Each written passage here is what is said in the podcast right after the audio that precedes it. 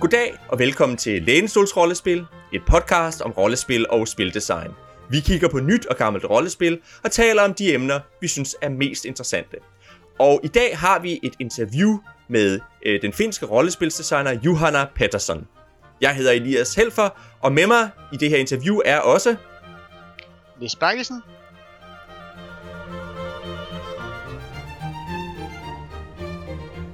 Og Johanna han er finsk og taler ikke dansk, og derfor kommer hele det her interview til at foregå på engelsk.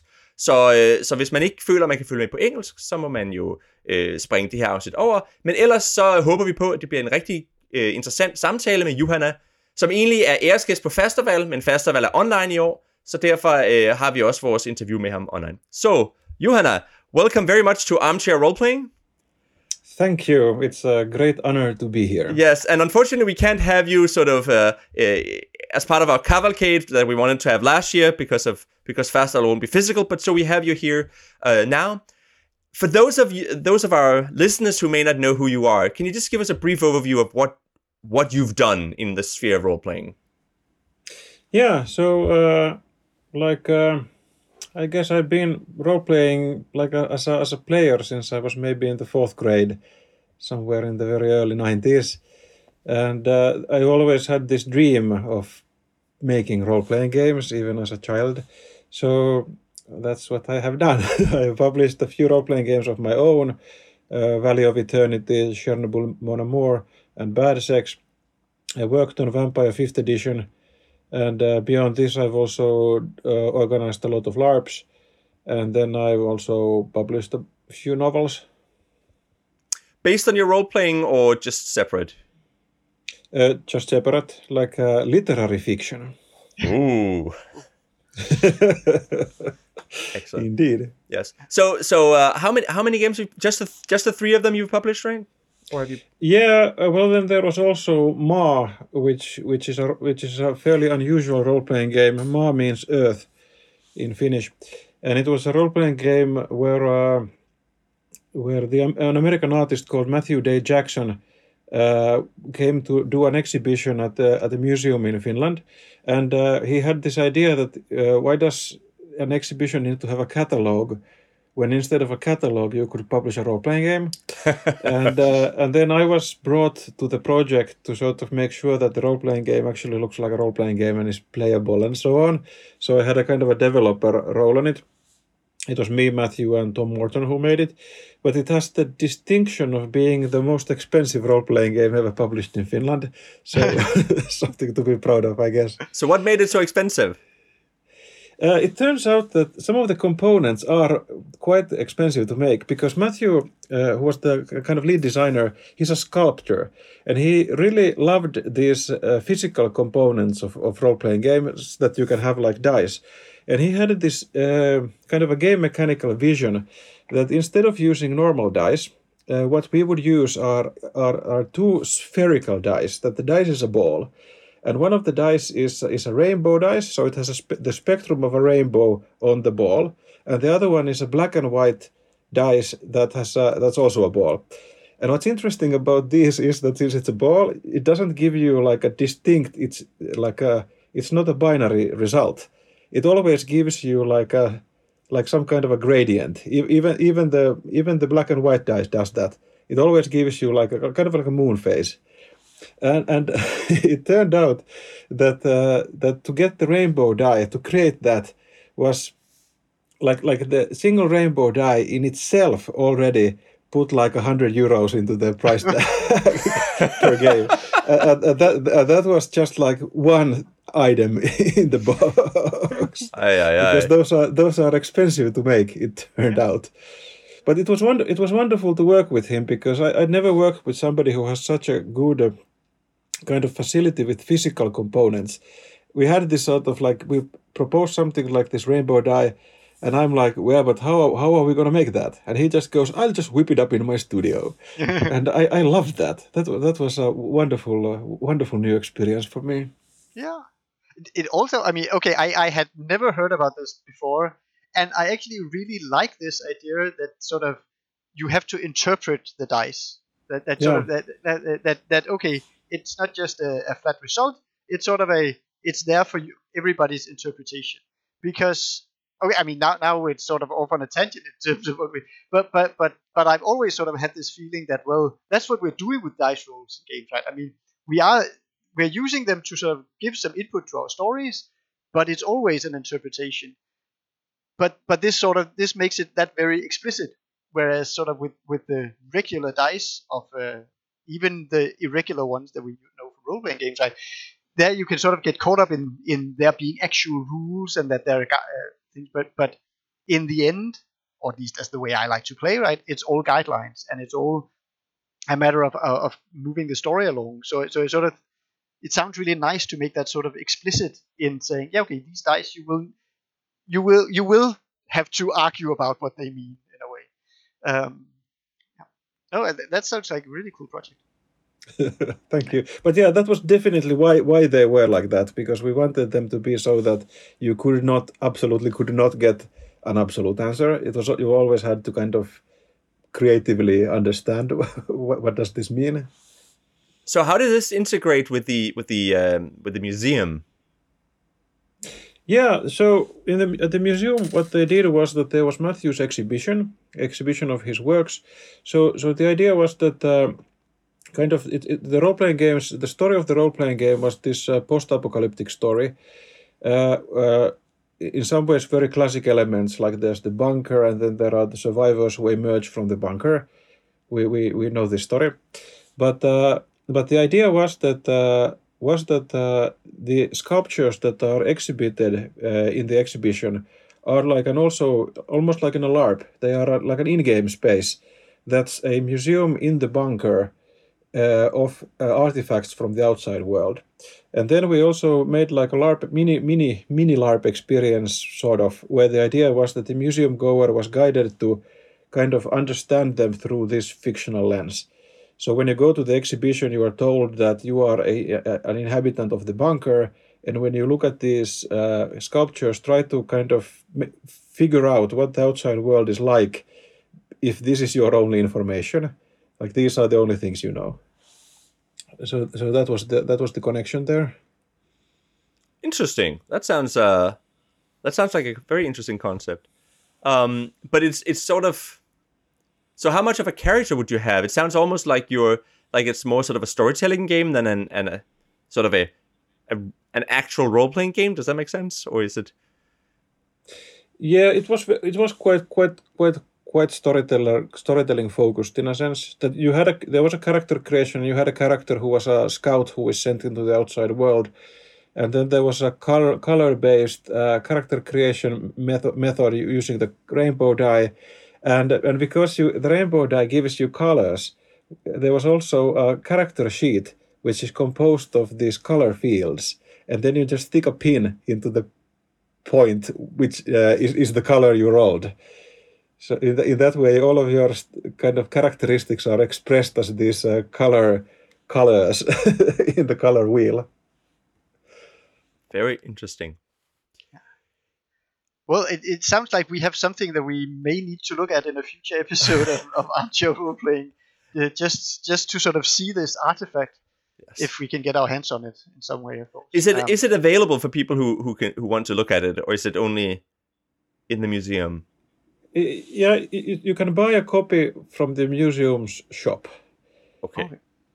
For a price of three hundred euros. Yeah, well. it's uh, it, it can go on my wish list of uh, of unique uh, role playing artifacts. I think. Yeah. Anyway, uh, you you mentioned that you had this uh, that, that you had had this dream about getting into role playing from a very early age. So.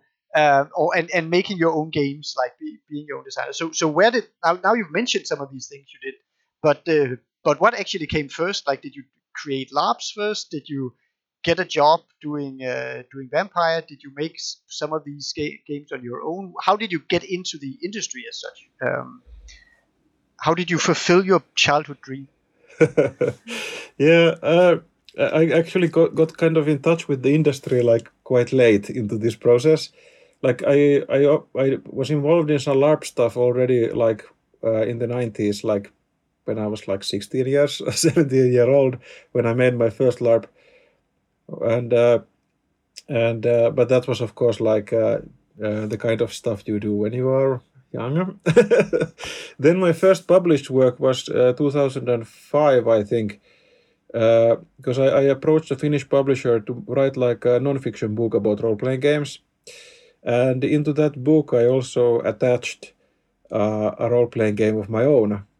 that was that was part of that thing but the, the book has a has a, a, strange reputation in Finland because it's polarizing, because it's not like a, it's not really a neutral nonfiction book. It's called the title of the book in English would be the role playing manifesto, and it's very definitely like a, uh, how I felt about role playing games at that time. And uh, it's, a, it's a very subjective book. And that's also reflected in the scenario, kind of the example role playing game I wrote for it because the example role playing game example role playing game is about this uh, very kitchen sink everyday uh, experience of living in Finland. For example, you could play like a, a student, and everything is meant to be quite miserable. like this, if you can imagine like a depressing East European movie set in the present day. That's like the aesthetic of this role playing game. And the one concept, like a theoretical concept that makes it work, is, is a concept called turbo realism. So basically, everything that happens is realistic, but it just happens very fast. So, so that uh, in a short period of time, you can have a, a large amount of drama and misery and all, all this kind of stuff. Uh, so that it's it's kind of action packed, even though what the action is not exactly like uh, like very exciting. And, and this came because I, I, when I, I, like my first role playing game was Dungeons and Dragons, and then I moved to Vampire. So I had a very mainstream kind of trajectory. My I, I didn't start with anything anything strange or cool. I started with the biggest games of that time.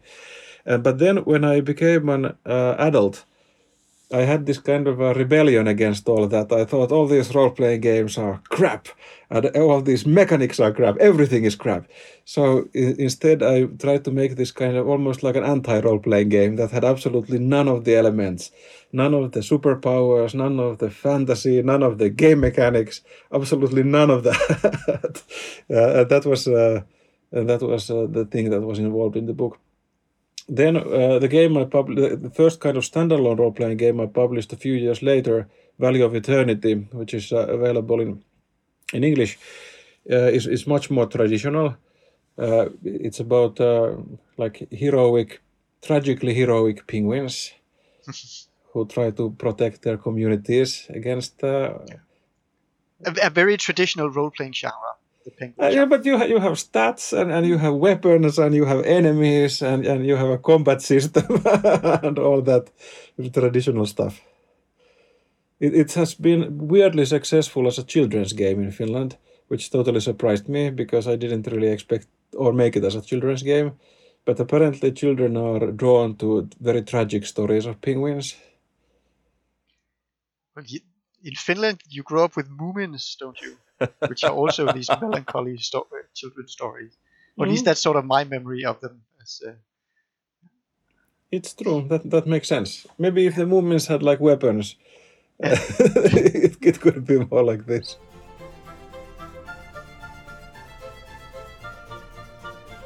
Anyway, speaking of uh, tragic stories, but for adults, uh, I think we should just uh, fast forward a bit and talk about bad sex um, because our listeners have recently listened to our episode about this game. And uh, so I guess my first question is just what on earth possessed you to make a game about having bad sex? Well, uh, like sometimes you develop an idea for a very long time and you, you make like uh, iterations of it and you see what works and what doesn't and you change it. That was not at all the process here this was one of those things where where I just was in the shower and I had the idea and then I made it. Like like it just, it came in a very complete form. But what what it is basically is that uh, is that like uh, when I run role playing games or when I run campaigns one of the things that uh, I like to do is that I like to keep the focus very social. So even though they are genre games usually just for fun with friends the focus is on social scenes like the kind of when I run a run a game or a campaign, the, the kind of signature scene for me is is the party.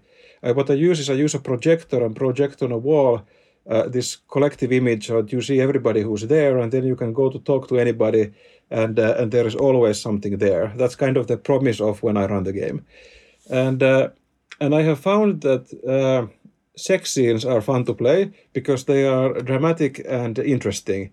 Or you can put all kinds of human nuance into them. I think because of because of this, I have in my role playing career run more sex scenes than fight scenes which I think is something not many people can say. and uh, and one of the things I noticed just running these sex scenes uh, in in in other games is that uh, is that usually when it goes wrong, that's when it, it's interesting. Like that, that's where the fun lies, and uh, and often they they are like incredibly cringy incredibly embarrassing, but people still go on because because it's fun. And sometimes uh, players start to do it really on purpose. Like they go like, okay, how can I make this so embarrassing that every other player literally leaves the room? And sometimes they succeed. And then I thought, okay, I will use this experience to make a game that's only about this, that takes this one thing and makes that into a game, so so so that other people can uh, feel the joy but and and yet but because you that sounds like a very sort of fun thing to do to sort of purposefully make sex scenes go awry. But in the game you sort of say that it shouldn't be comedic. It should be like it should be actually cringeworthy. So so why not go full humor? Why you know? Because what i'm interested in is really the emotional experience. And i think if you are too play too much for the laughs then uh, the emotional experience is superficial the emotional experience is more interesting and more more deep if you go if you take it somewhat seriously. And also I, I, think kind of perversely it's more funny if you don't try to make it funny initially because then uh, then then you can kind of go deeper into this weird weird uh, weird human detail that uh, that comes up. I, I usually like uh, like like when I run test games of it what happened was that uh, in the beginning people were more serious. Uh, then uh, people started to sort of like a cringe and laugh at the same time, uh, pretty much continuously for like the last hour. because when, the, when people start to get into it and start coming up with details, and also one thing that a lot of people did in test games was just use stuff from their own lives, because the game cre- creates kind of like a format for that, and uh, and often that stuff is very kind of uh, because you feel it's real. So it, it gives the game a different kind of atmosphere, and that also makes it emotionally stronger. I mean, it makes a lot of sense to me that people would use their own experience because I feel like sex is a sphere where we don't necessarily we don't necessarily share a lot. And so that means we don't necessarily know what everybody else is doing in the bedroom. And so we have you know, we have our own experience and we have the experience we have from movies and so on. So I think we we don't have a lot of experience with other people's bad sex in a way. So we have to draw on our own. But I guess that also makes it very very sensible. So so or not sensible. That's the that's a, a sensitive. A sensitive, thank you. That's the word I'm looking for. It makes it very sensitive. So so how do you deal with that? How do you deal with sort of the sensitivity of this? Yeah, that's definitely what it is because uh, pretty much every time I've run it, uh, what happens is that after the game is over and we get into this debrief phase, uh, it becomes this kind of discussion of actual real life bad sex, and that's like uh, requires a certain level of trust. Of course, what happens during the game, the game is good at building that trust because once you have shared all these embarrassing experiences together, like shared embarrassment is great for team building in a sense. or maybe team building is not the right word, but still. Uh, I think I'll try to sell this at work as a team building. yeah. So so so then, then so then there are these discussions, and sometimes those can become very kind of private. But also that's also I've liked them a lot. Like I have felt that although the game is not supposed to be kind of educational, in, in it was not it was designed for art and not education. But still, like I'm happy that it has provided this format. But this is also why I don't really like like to me it doesn't really make sense to run it as like a convention game in some big hall with like a, strangers walking by. it doesn't. It's not really the ideal format for it. I guess we should just mention because in Denmark, you at least at Fastaval, but I think I think also at VikingCon, you'll have one classroom for each group. But I know that in in Rubicon and also a lot of other places, uh, you know, in America and so on, you'll have a big hall, and so you'll have a table, and then at the next table, two meters away, you have another group playing some other game. So so you have a lot less privacy than we we're used to. I think in in Danish role playing circles, I think we're used. Yeah, I think yeah, I think every Danish convention I've been at, like I mean, also the small conventions where where I grew up going to uh, in my teen years, like the established convention was that you were at a school and you everybody, each group got a room of their own. Um, Get a room. uh, yes, That's civilized. But uh, like I've been to Fastaval once in 2019, and uh, like to me, the feeling was that the culture of Fastaval at Fastaval specifically was such that I would be happy to run it there, because uh, because it requ- requires a certain kind of attitude from players, but that seemed to be totally in place. like I felt that people understand both the seriousness and the humor of it uh, at Fastaval. And I, I know that there have been very sexually oriented games at Fastaval. I know that Troels, who is your contact at Fastaval, wrote the game uh, My Bird Sparrow, which is about uh, I think two couples having having sex sort of crisscross, uh, if I remember correctly. Um, so so we definitely have we've had a lot of sexual based games at Fastaval. Yeah. Which I guess and, lead and and games based on other sort of intimate uh, sure. subjects, right? I mean, uh, both sort of nice intimate subjects and bad intimate subjects. Like I mean, both both, both the rom- romance and violence or uh, bullying and so on. So so yes, I and I also think like when we read it, um, uh, we also we very much looked at it as a Fastaval game because that's sort of our context for for this type of uh, of, of role playing out the, the shared context that we have at, at. But I'm actually curious uh, to hear sort of uh, where you have run this. Like, has it always has it always been with people you know, like more or less uh, cl- uh, closely, or or have you run it with random strangers, quote, quote unquote, in in some other context, or or, or, or where like when you say you, that you always had this experience that it's good at building intimacy, then with what sort of people have you actually run it with? Where That's a good question, uh, but uh, mostly li- li- like uh, I've, I've run it with people I already know, and the reason for that was because obviously that's not perfect because like it doesn't follow the best practices of playtesting, but also I was uh, kind of I was in that phase of the production cycle just as COVID hit, and it, it's that was uh, that was like not the best time to try to find people to play bad sex games, especially strangers. I, I had quite a bit of trouble even getting my friends to play it, and not because of it's it's it's a game about bad sex, but because everybody was in this uh, COVID nineteen headspace and, and still are. And I can imagine it's not a good game to play over Zoom or Skype or anything like that. Like you need the sort of the the the closeness, the physical closeness to to to do it. Yeah, it really benefits from being in a room because it also gives this feeling like because one of these basic safety kind of ideas of what what safety means to me is also this idea that when you do a role playing game, you are responsible for the people who are in the room with you, who are in that game. Like these are the people you should be concerned with, and uh, and and and it means it has and I, I find that when you formulate it like that, it focuses thinking like these are the people who matter right now, and in in in both like uh, in a kind of a watchful sense that I should see that they're okay, but also in a good sense that uh, that if these group people are okay, then the game is okay, and then and then it runs. And, and just getting that feeling of trust is much easier if you are physically in the same space. Yeah.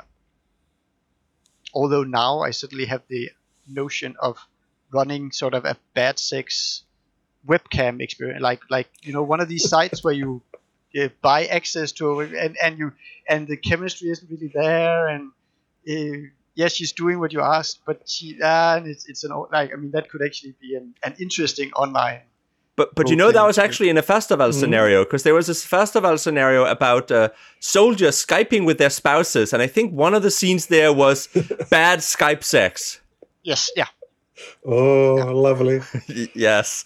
Uh, but anyway, um, but that actually sort of brings me to something I was curious about because one of the things at a lot of Fastaval games that makes these scenes really good, and I feel like that's also what you're saying a little bit, is that the story that leads up to the bad sex in a lot of games is something that's part of making it special. And of course, what makes it special is that it'll then throw a ball to the story that you're telling.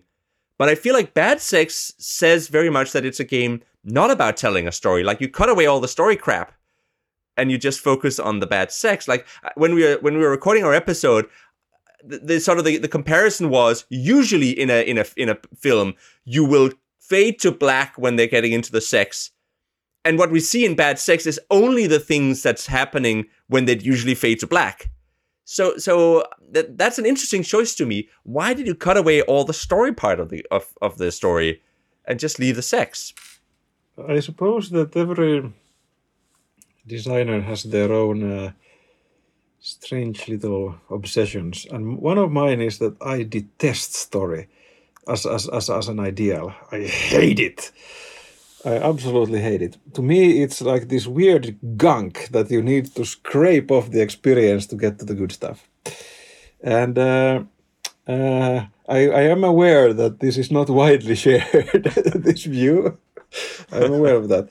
But uh, to me, it has always felt that this kind of spontaneous moment of experience is like the thing that I'm really after. The emotions in there, the creative spontaneity of it, uh, the experience that happens like in, in, in, a, in a specific moment of the game. To me, that's interesting. And that's always what I go for. And uh, and the story is like to me is is this kind of thing that you put is is kind of afterwards. It's it's it's it's exactly the same as in life, because in life also we don't live stories, but we make stories of our lives. And I think the d- dynamic of how stories are generated is in, in, in life and in games is is exactly the same in this sense, uh, especially if you're free forming. Now, just to make sure I am aware that there are great story games and that are wonderfully designed. That's like a, that's totally fine. like let everybody make their beautiful things.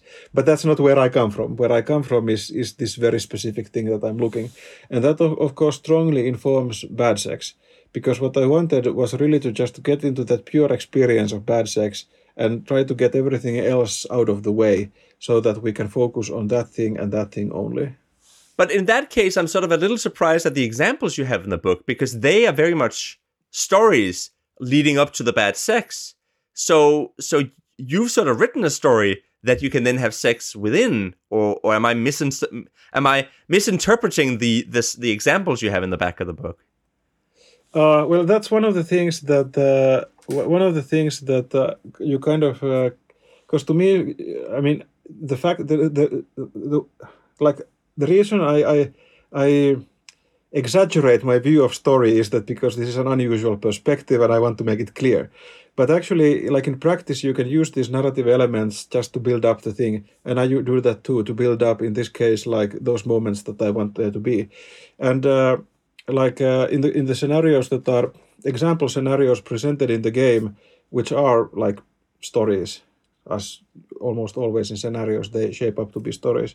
But what they really are are kind of these, if you look at them structurally, they are these vehicles for delivering shorter bad sex scenes and then leading to the main bad sex scenes. So first you have these uh, warm up bad sex, and then you have the like the like the showcase bad sex, uh, and uh, and usually it's easier for people to organize that in their heads if they have a kind of a narrative framework of, of a character progression that where they can put that stuff into. But I, I guess there's also sort of like I mean there's also just the simple limitation that when we tell things to each other, when we use language, we turn it into stories, right? I mean, so yeah, the only way always. you can like I mean, yes, all of these events could have happened and there weren't a story, but then when you have to tell them to somebody else, you you order them and you put them in uh, like just because of the way language works, you have to sort of tell one thing and then the other, and then suddenly you've made a story out of it, right? It might even have been a bad story, but uh, but whenever you sort of try to deliver information to someone else, you it ends up being a story in a way. Um, so even if you wanted to scrape away all the story, I think you would have had a hard time writing a book and setting a scene and it not turning into stories in people's heads, right? Um, in yeah, some, yeah. The. The kind of the reason I, I say it like uh, the reason I want to scrape it away is that uh, is that I want to underline this uh, focus on on really the moment and really the emotion. Because uh, like when I've played some of these more more narrative oriented games to me it has sometimes felt very intellectual. Like this is an exercise in just creating these plot events or structures but at the end of the day it means nothing to me. And uh, that's that's and I am I'm fine with other people enjoying that. That's great, but that's not what I want to do.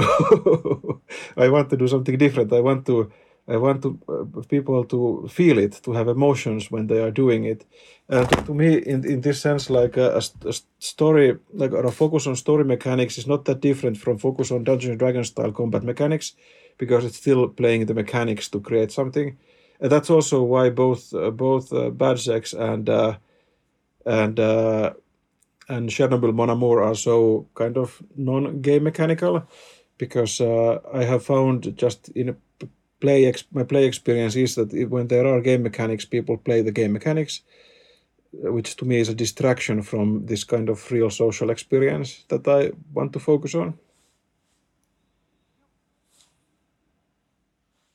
No, I don't. I yeah, I, I, I get that. I mean, I am I'm personally a, a quite a narrative uh, type and and also quite a gamist type of player when uh, when I'm sort of in, in that mode. So uh, uh, so I can definitely enjoy all of those uh, things that you want to scrape away. But I also I fully I I think or at least I think I understand where you want to go with this. And when I, for instance, go to Fastaval and so on, where there's also a tradition for these uh, well they used to be called uh, systemless or, or system-free games.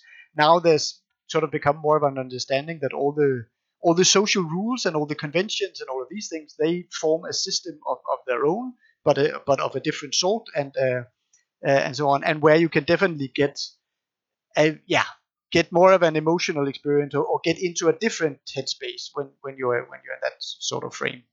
Um, so so i've I played games like that like like that as well. It's just uh, rarely that I sort of sit down and read a book and then uh, play it. I, I typically when yeah in a Fastaval game right there there would have been a lot of story and that would have been my scaffolding at least, um, and I would probably still be making a story, but the story was there to sort of pluck my heartstrings and, and make me feel all of the all those emotions. So, um, which is a similar thing. Um, then I have a sort of an another question about I, I don't know where we're going now, but one thing because you said sort of that with this game with Bad Sex, it had more or less come fully formed uh, as you were taking a shower, um, uh, which uh, sounds awesome. D- does that include the visual aesthetic of the game, or is, is that your own, or has that come from somewhere else, or something? I'm Yeah. just- So what what happened with the visual aesthetics was that uh, I thought because because role playing games have a very kind of traditional style of visual aesthetics that's very specific, and it's especially obvious if you uh, have also spent time maybe in your creative career outside role playing games. So so there is this role playing game book style, like what role playing game books look like, and just personally, I have a somewhat uh, difficult relationship with this aesthetic. Uh, I don't always like it so much. And I thought that if there ever was a role playing game in this world that could buck the aesthetic, that would be Bad Sex, the role playing game. Because I thought that, uh, like, like here with this subject, you can just do something completely different. So then I had this discussion with my uh, graphic designer, and I told him that uh, that uh, that what I want him to do is to is to make like a graphic design for the book that will make uh, a teacher of graphic design weep. And then he said that uh, he, said that this is difficult because the thing is that he himself is a teacher of graphic design, and uh, and it's not going to make himself weep.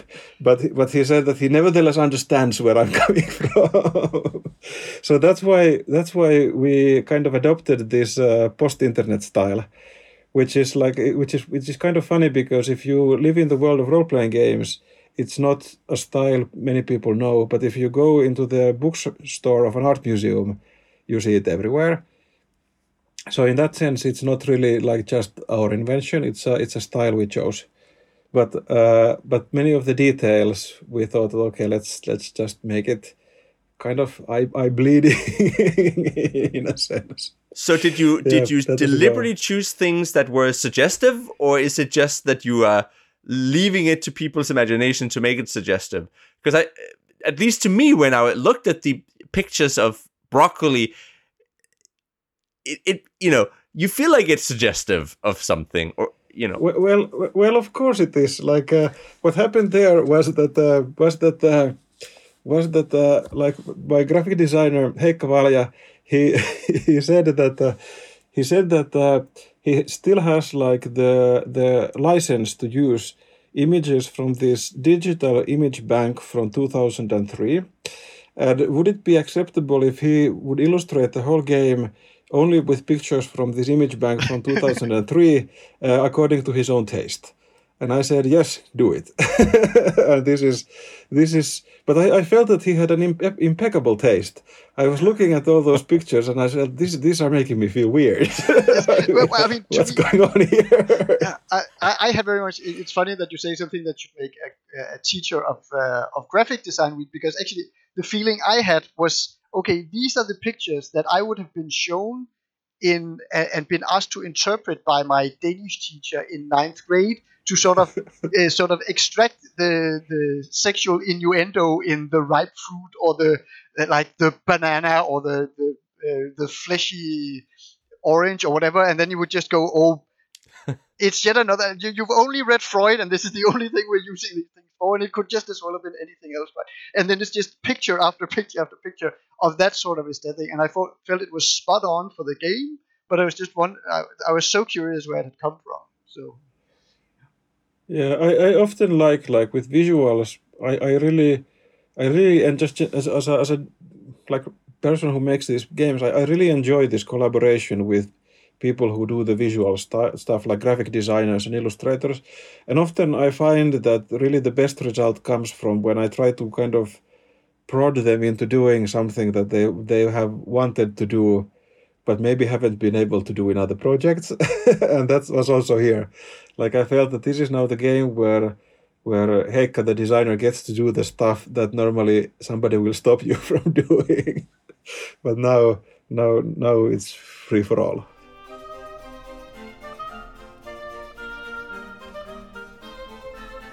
Now, we've spoken for about 40 minutes, so I think we should maybe move on a little bit from from Bad Sex and talk about some of the other stuff you've done. Um, and I guess we can start by just touching a little bit on Chernobyl, Mon Amour, but I think I'd also like to ask you sort of what would you say your style of game is? You know, because I feel like there is a similarity between Chernobyl and uh, and Bad Sex, but I'm not sure I can pinpoint what it is. So so yeah, there definitely is a style, cause and it's not really my style even. What it is is that uh, I come from like a specific community of play uh, in Helsinki, and that's also in Turku. And uh, like there's a community of people who, who play in this way that I also play in. But unfortunately, uh, this has not been a community that has been uh, very good at publishing publishing anything or uh, in any way kind of formalizing its ideas. What it has been very good at is running great games. so so that's kind of uh, kind of where I come from. And there are these ideas that uh, that are very common to us, like how we organize our thinking about role playing games.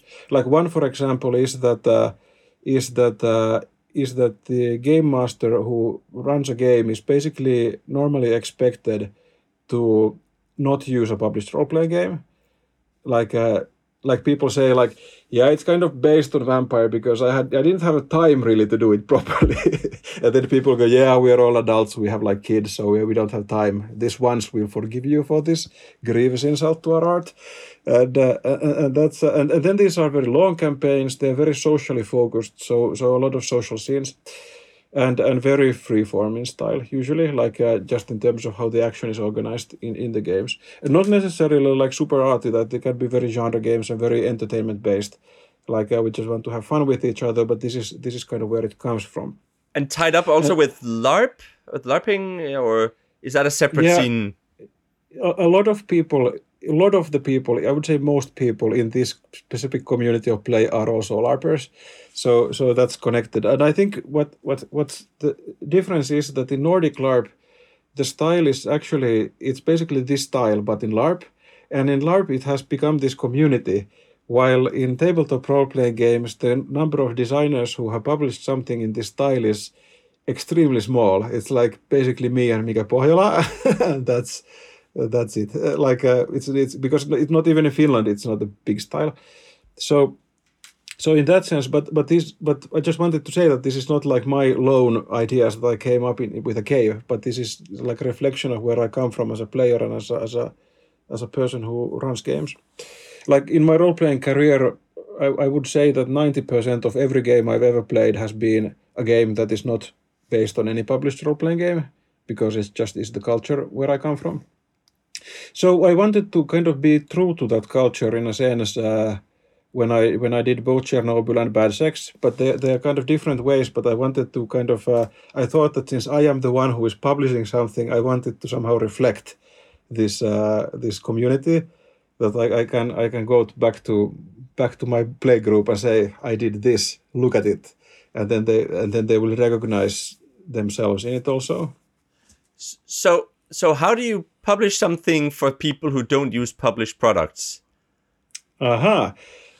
Yeah, that's like a thing because uh, that's a to me role playing games have a kind of a structural problem, which is that the way we communicate and way we reach more people is often through the venue of published products.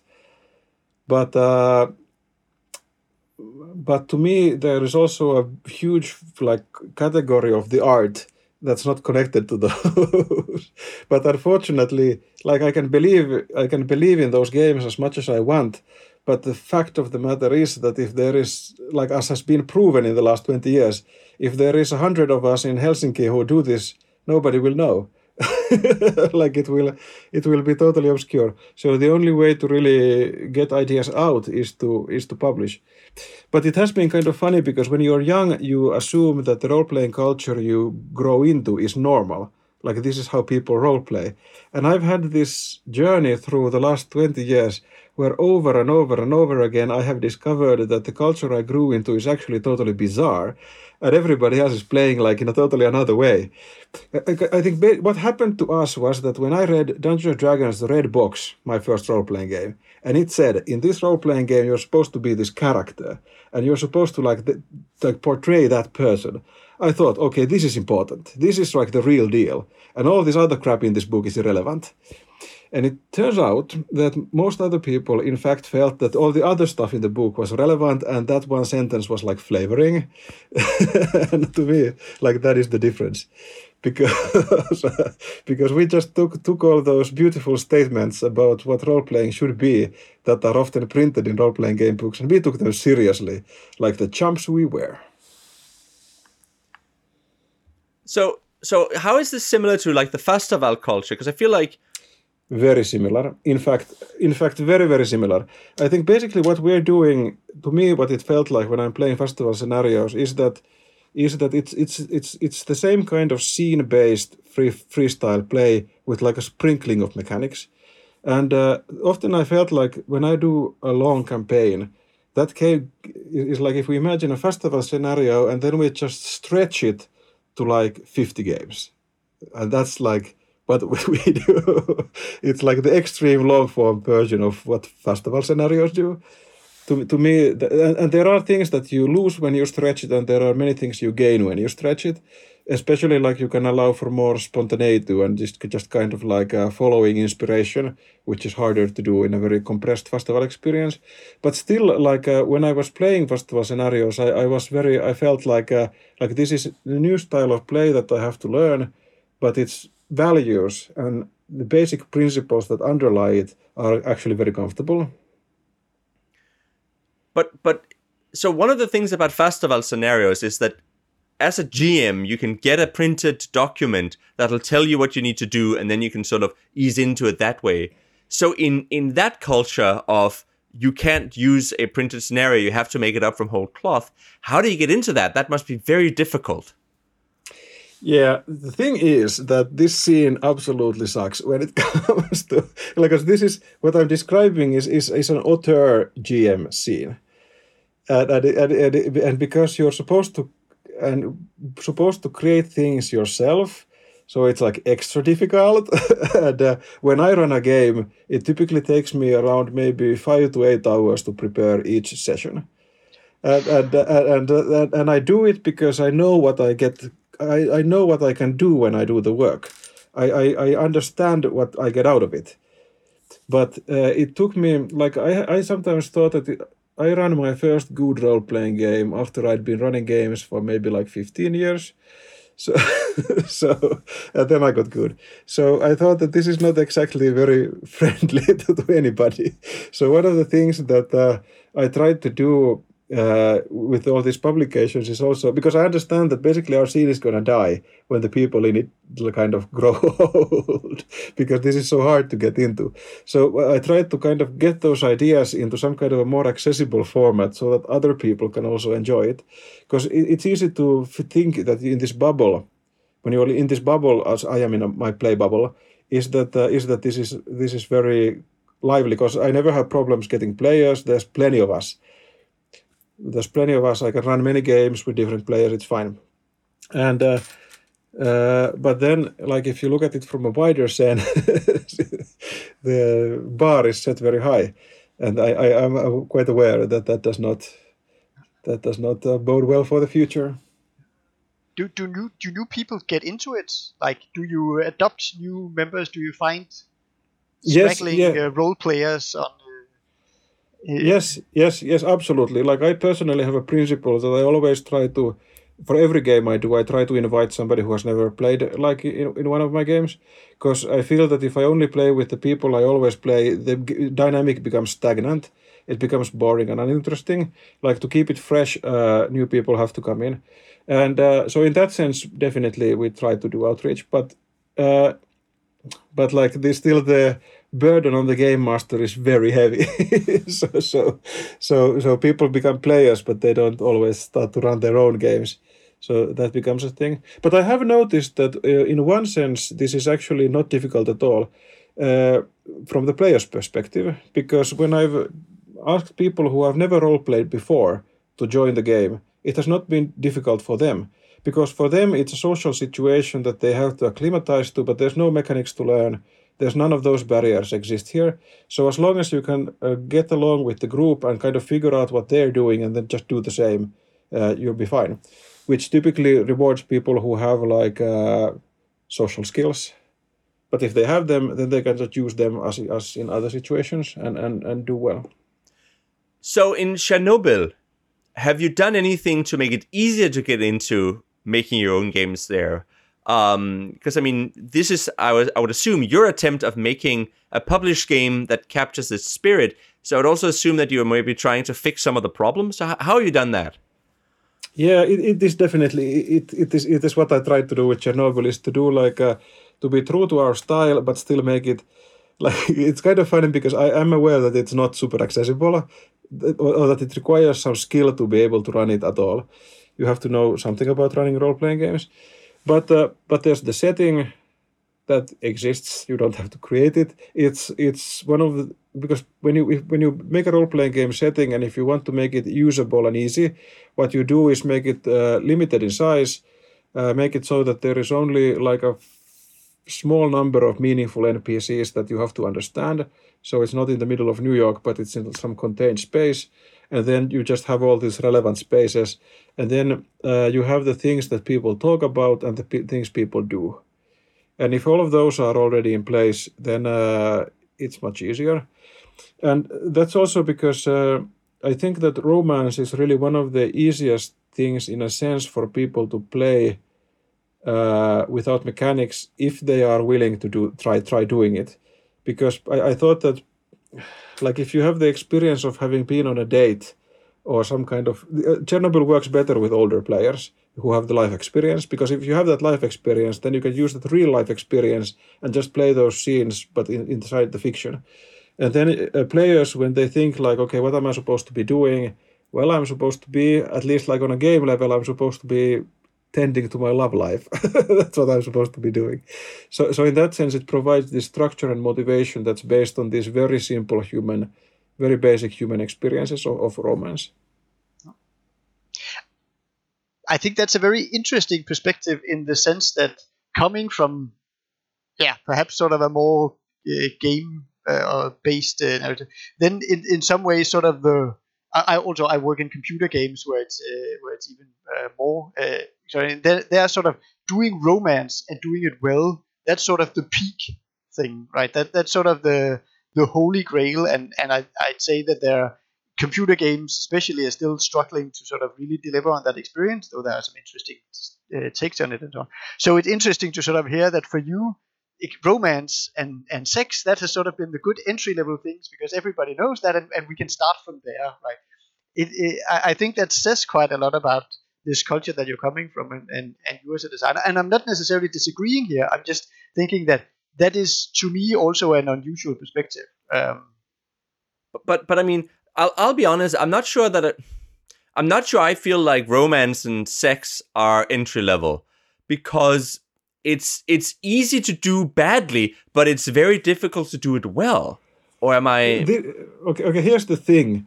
Here's the thing. One of the things I learned uh, with uh, doing these games is that these questions of like what's entry level and what's approachable and what's not approachable uh, vary by person. And and uh, I think role playing games have a kind of this tilt towards uh, the type of person or people who, who find it easier to ap- approach things through maybe game mechanics or subjects like this because they traditionally have been part of this and uh, maybe like I'm too because I, I get the always the comfort of designing the system, so so that makes it easier for me even when when I run these things. But I've had, I often have this experience that uh, a person who has like read maybe Chernobyl or something comes to me or, or plays in my game and comes to me and and and and, and, and expresses in a positive sense that finally a game that's accessible. And typically, this is the kind of person who finds game mechanics absolutely impossible to access, but who also finds social situations easy to access. And I think this is like a, like a situation where, where the whole field is, is catering to one type of person, but not really catering to the other type of person to, the, to the degree that usually the other type of person is not even visible. But to me, the reason I see them is, to, is because I, I am in the very small minority of people who make stuff that works for them. and, and then they can go, aha, we understand how this works. Because I, I've had with Chernobyl, I had, I had people who said like, this is like, this is impossible to run. Like, how do you run this? And then the next person says, oh, finally a game that's easy to run. and I go like, these are clearly people with very different kind of perspectives on what's easy and what's difficult. And to me, this is this is not really a personal ju- not a personal judgment of any sort at all because we are all different. We're all different. But uh, and, and I, I think the kind of role playing field works best when there are games for every type of person, so that they can find the experience that works for them from their perspective.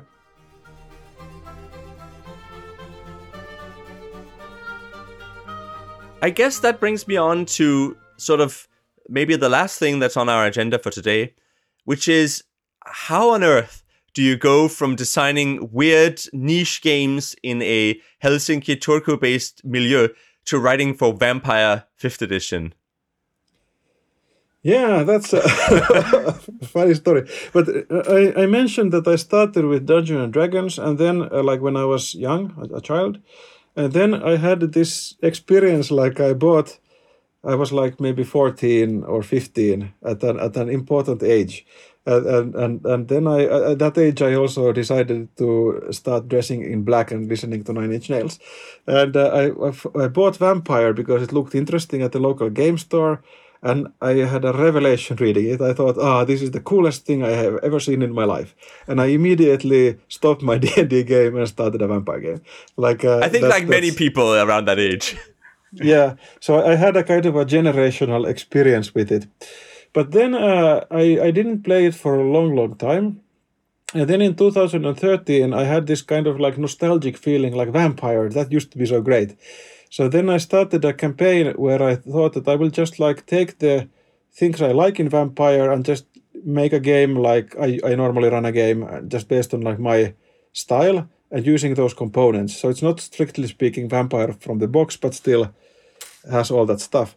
And I put a lot of thought into it as as is my style.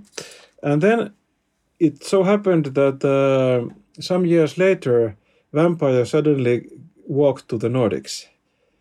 Like Vampire, Vampire crossed the Atlantic. And uh, I thought that, wait a minute, like I've always wanted to work on these things. And I just happened to think about this intensively for a couple of years. So I have ideas and I have all these kind of things that if somebody says like, so what do you have to offer? I say, aha, I have all this stuff from the campaign. Uh, but actually, it was the LARP stuff that got me into it because, uh, like, uh, I don't think that the difference between my kind of creative values in tabletop and in LARP are any different. I think they are the same values. But I, am aware that in, in tabletop they are niche, weird values, and in LARP they are mainstream Nordic LARP values. and uh, and so it was Nordic LARP that sort of sort of opened the door. That uh, we made uh, end of the line in 2016, which was the first kind of thing that the new Paradox owned Vampire put out because LARP is fast to produce. Uh, it was actually kind of funny because uh, I, I, had talked about that with my co-designer Bjarke Pedersen, and then I learned that he was going to Stockholm to have a meeting with the people there, and I thought, okay, now's my chance. So I just bought myself a plane ticket, flew to Stockholm, and uh, joined the meeting and that way uh, became part of end of the line. Then we and then we did that. Then we did a couple of other things like Parliament of Shadows and Enlightenment in Blood, which were also, I, guess, just the people at at Paradox liked them, is my guess. And then uh, when fifth edition came around, uh, they needed somebody to do the to do writing for the Anarch book, and um, I got an I got a message, and that's where it went. But by that point, like people at people at Paradox, they had already seen a lot of my stuff because of the LARPs, so so I was a known quantity for them. So so what kind of stuff have you been writing for them? And so it's mostly setting material, or is it is it also rules? Mostly setting material, yeah, because that's my strong point. Definitely, since uh, like I'm not I'm not a very mechanics based designer. I, I like I, I sometimes think that I'm not a game designer. I'm a social designer. I design social situations, which in LARP is la, a better understood perspective than tabletop.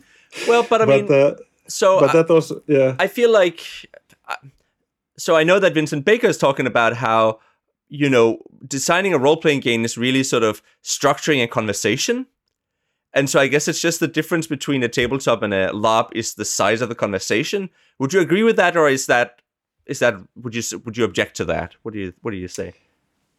Well, I, I guess it kind of is, but personally, like I've had this, like, because uh, I've read a lot of this American and Forge and story game style role playing theory, and I have slowly come to realize that the kind of stuff that I creatively want to express cannot really be talked about using those terms and those concepts. And un- unfortunately, the only way to go forward is to create new concepts, which uh, is a lot of work and so on. But because I had this, I read this book about uh, the history of, of the Forge, and uh, it was super interesting stuff. But there was a really funny kind of moment because this uh, the values of, of the scene where I'm from, I think one of the rare times when they have been expressed in some way is in the manifesto of the Turku School by Mika Pohjola. And, and he proposes in that manifesto this kind of like, a, he even uses a Finnish word for it, like eläytyminen, which means character immersive playstyle. And the funny thing is that in this classic uh, gamist narrative simulationist model, uh, it's very hard to fit this style into that model. but in this uh, history of the Forge, the author had done his homework. He was diligent, so he was aware that in a far corner of Europe there are these people who have some kind of a weird style that they sometimes talk about online.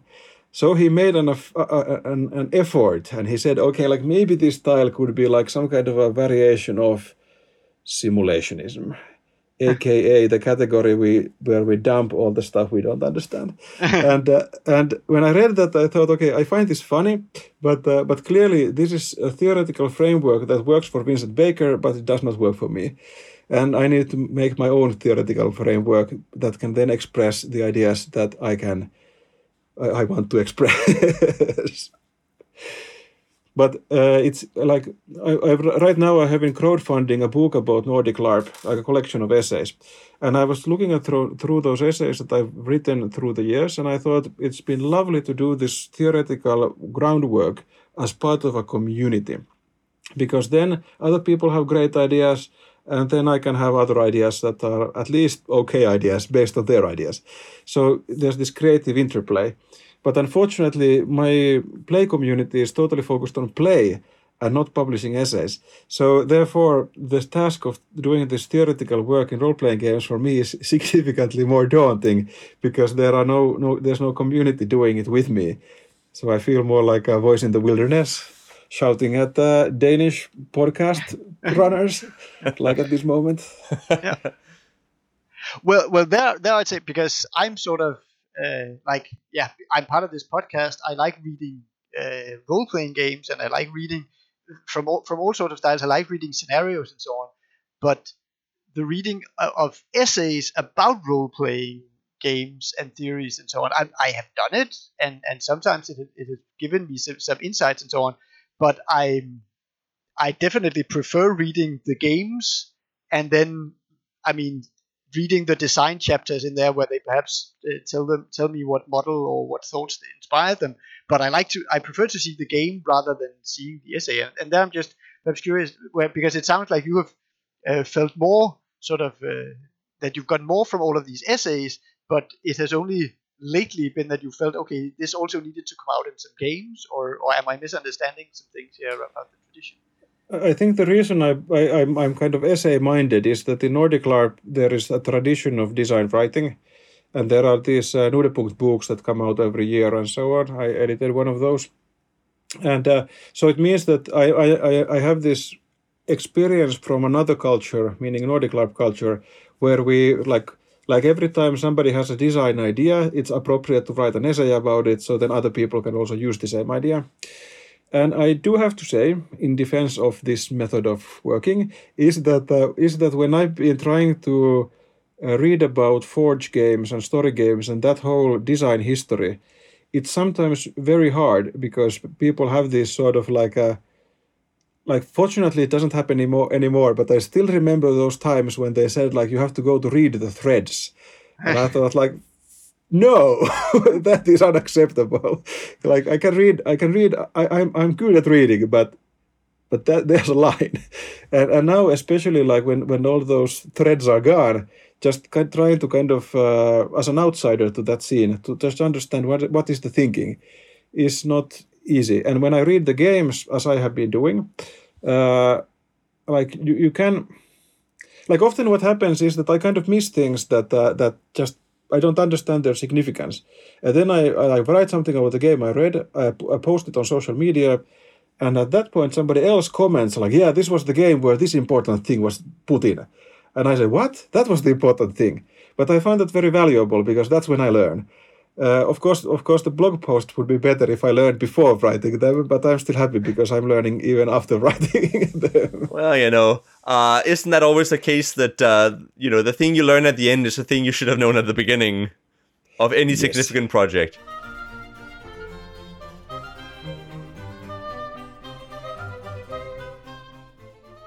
Anyway, we're coming up on the hour mark here, so I think we should just sort of start to wrap up. Um, and I guess maybe one thing I might like to to ask you is if people if people wanted to understand this thing, you know, like Nordic LARP and this kind of games that you're you're you're writing, where should they go? Where should you if if you want to understand the the kind of thinking about games that you're sort of a proponent of, what is what are the resources? Where should you go? I think that uh, like like if you want to understand some of the like the positive side of this is that the reading list is very short because because so, so we, we have been so excruciatingly bad at at publishing, at making ourselves known. But uh, if you want to understand kind of uh, like Mike's manifesto of the Turku school, of course, it was a product of its time, but it's still like it. I, I read it recently, and it still has this. Uh, like Mike was in his early twenties when he wrote it, and it's but it has this great energy, and uh, it expresses uh, a lot of this uh, kind of focus on where, where the where the where we want to look at, at the interesting stuff, like where is the interesting stuff? Where is that located? And also it's easy easy and short. Uh, out of the stuff that I published, I think Chernobyl, Chernobyl Mon Amour is, is really the like. I think it, it's my best stab at it so far. I, I think it's it's kind of more more understandable in, in the sense of the style than Bad Sex is. I think Bad Sex is more kind of refined as a singular concept. And uh, uh and also when I wrote Chernobyl, I did my absolute best to make it readable and kind of engaging to read for the reason that I have uh, written read a lot of role playing game books and they are not always so. So I thought that I will try not to perpetuate the sin of making unreadable book, even if I flatter myself. That's that's my recommendation. Apart from those two, uh, yeah, the, if you switch to the side of LARP, then there are many more resources, many many more. Uh, every year, uh, the, the LARP conference Knutepunkt publishes a book, and the last couple of years have been like there have been some very strong books. Uh, two years ago or three years ago, there was a book called LARP Design, which is where, the goal was to collect like everything we know about LARP design into this book. Uh, it's a hefty tome. I wrote a couple of chapters into it, but it's it's like it's like the thing. If you want to understand it, it's the best thing you can do. And then uh, after that was what do we do when we play? uh, another KP book about like the act of playing LARP, which is also super good, a super good KP book. And then, most important of all, since we are giving recommendations, there is my collection of essays, Engines of Desire, on a crowdfunding platform Indiegogo right now. And of course, you will be very well, very well served by just going there and getting it. So when does it? When does the Indiegogo campaign end? Uh, I think it has something like a week left. I, I tried to time it so that it goes past Fastaval. In that case, this episode probably won't be out in turn in time for people to react to uh, uh, to that recommendation. But hopefully, no the product will still be there afterwards. So yes, it will be there afterwards. Uh, in fact, I put it on crowdfunding just to pay the printing bill. So the book is finished already. it exists. Just have to print it, which is expensive because it's so big and magnificent. so I guess you've mostly answered the last question I had for you, but I'm going to ask it anyway. What else? What else is coming up from you? If people want to to find out what what's the next thing from you. Well, uh, the big thing right now that's coming up is Engines of Desire, the essay book, like 20 years of LARP related wisdom but then also there is uh, a LARP that we are doing with in the spirit of great optimism. LARP is called Redemption that we hope to run in November this year because we believe that official uh, estimates of vaccination rates are absolutely trustworthy. That is our working assumption. Uh, but also we have plans what to do if they are not trustworthy, so don't worry. but the, the idea of that LARP is, is that uh, it's set in it's set in the last days of uh, Tsarist Russia, just before the revolution, and uh, it's based on this religious idea. There, there is this uh, type of sect, Russian Russian Orthodox sect, that uh, the Rasputin was associated to, who had had this idea uh, that redemption was like the most important thing, redemption and forgiveness and mercy. But do those things really mean, mean anything if you have nothing to be redeemed? So, the name of the LARP is Redemption. Your character is working towards redemption, and the only way to, way to get there is to sin like a lot. This is really uh, redemption through sin is, is our tagline. So that's that's what it is. It's a it's a kind of a what, what we try to do is is that because um, there's a lot of LARPs that are about cults or these religious things, but uh, but often like my co-designer Maria Pettersson, who came up with uh, also the idea of the LARP, she she said that there's there's a lot of LARPs that tell you why cults are horrible, but this uh, LARP is designed to tell you like why people join cults. in a safe manner that ends so that if you have a religious experience as we try to design that in, in, it happens in this fictional context that you can then exit after the larp is over excellent sounds very interesting um do we have any closing comments nis i think we're I don't think so. I I, I think we've covered everything I, I thought of and a lot more, and I've had a lot of fun uh, here. So uh, no, I I don't think I have anything else to add. excellent are you playing any games for Fastaval of the Fastaval games Uh, yeah, I signed up for one game because I thought that uh, I want to like uh, make sure that I have time and energy to do all this guest of honor stuff. But I also thought that uh, it's idiotic to be even at remote Fastaval without playing something. so I, I, I signed up for one game. Like 2019, when I was only focused on playing, I played like every second I could fit a game into. I played. I know a lot of our I was there international guests do that, and it can. Some of them, you know, tap out and have to take a break because it, it becomes too much. But I think most of the people who come from abroad want to play as much as humanly possible. So No, I had I had absolutely great experiences uh, when I was there. Just just fantastic games. My only regret is really that, uh, like I said, that uh, because Fastaval has its unique playstyle, and I still feel a little bit guilty that uh, when I was playing my first Fastaval scenario at Fastaval, I played it a little bit Finnish style, which is not appropriate at all because it's so slow. So so I, I feel a little bit guilty about that. But then after that, I thought about the experience, and then I got on board the fast-moving Fastaval playstyle. Excellent. And I think with that, we're going to say thank you very much, Juhana Pettersson. Uh, thank you for taking your time and uh, and for talking to us. Uh, thank you. I, I am very happy to be here. And just uh, where where where where can fo- where can people find you if they want to look at your stuff? What's your what's your presence? Uh, Is your webpage or your social media account or anything like that that you want to prom- promote?